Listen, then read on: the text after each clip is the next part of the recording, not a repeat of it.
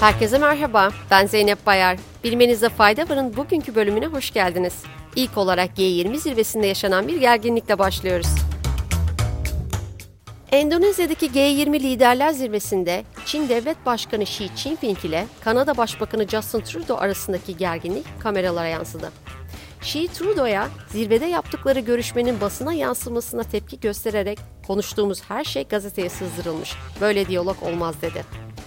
Trudeau Xi'nin tepkisine karşılık olarak biz Kanada'da açık, özgür ve dürüst diyaloğa inanıyoruz ve bunu sürdürmeyi istiyoruz şeklinde cevap verdi. Rusya'dan bir ekonomi haberiyle devam ediyoruz. Bu yılın ikinci çeyreğinde bir önceki yılın aynı dönemine kıyasla %4,1 küçülen Rus ekonomisi, yılın üçüncü çeyreğinde de geçen yılın aynı dönemine kıyasla %4 küçülerek resesyona girdi. Rusya Ekonomi Kalkınma Bakanlığı, ülke ekonomisinin bu yıl %2,4 küçüleceği yönünde tahminde bulundu. Almanya Federal İstatistik Dairesi, ülkedeki öğrencilerin %38'inin yoksulluk riski altında olduğunu açıkladı. Verilere göre öğrencilerin özellikle barınma masrafları nedeniyle büyük sıkıntı yaşadığı kaydedildi. Yoksulluk riskini kısaca detaylandırmamız gerekirse, Almanya'da bir kişi tüm nüfusun medyan gelirinin %60'ından daha azına sahip olması durumunda yoksulluk riski altında kabul ediliyor. İsviçre'den bir şirket haberiyle devam ediyoruz.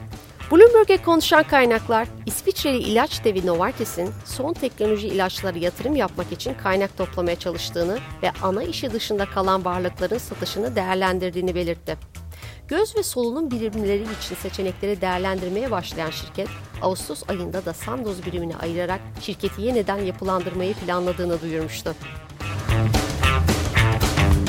Son haberimiz Twitter'dan.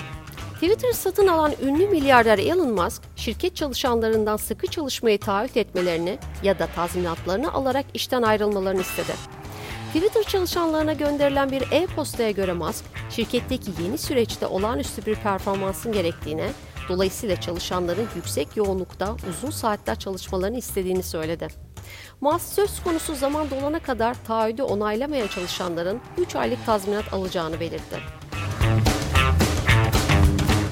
Bilmenizde fayda varın bugünkü bölümünün sonuna geldik. Yarın tekrar görüşmek üzere. Hoşçakalın.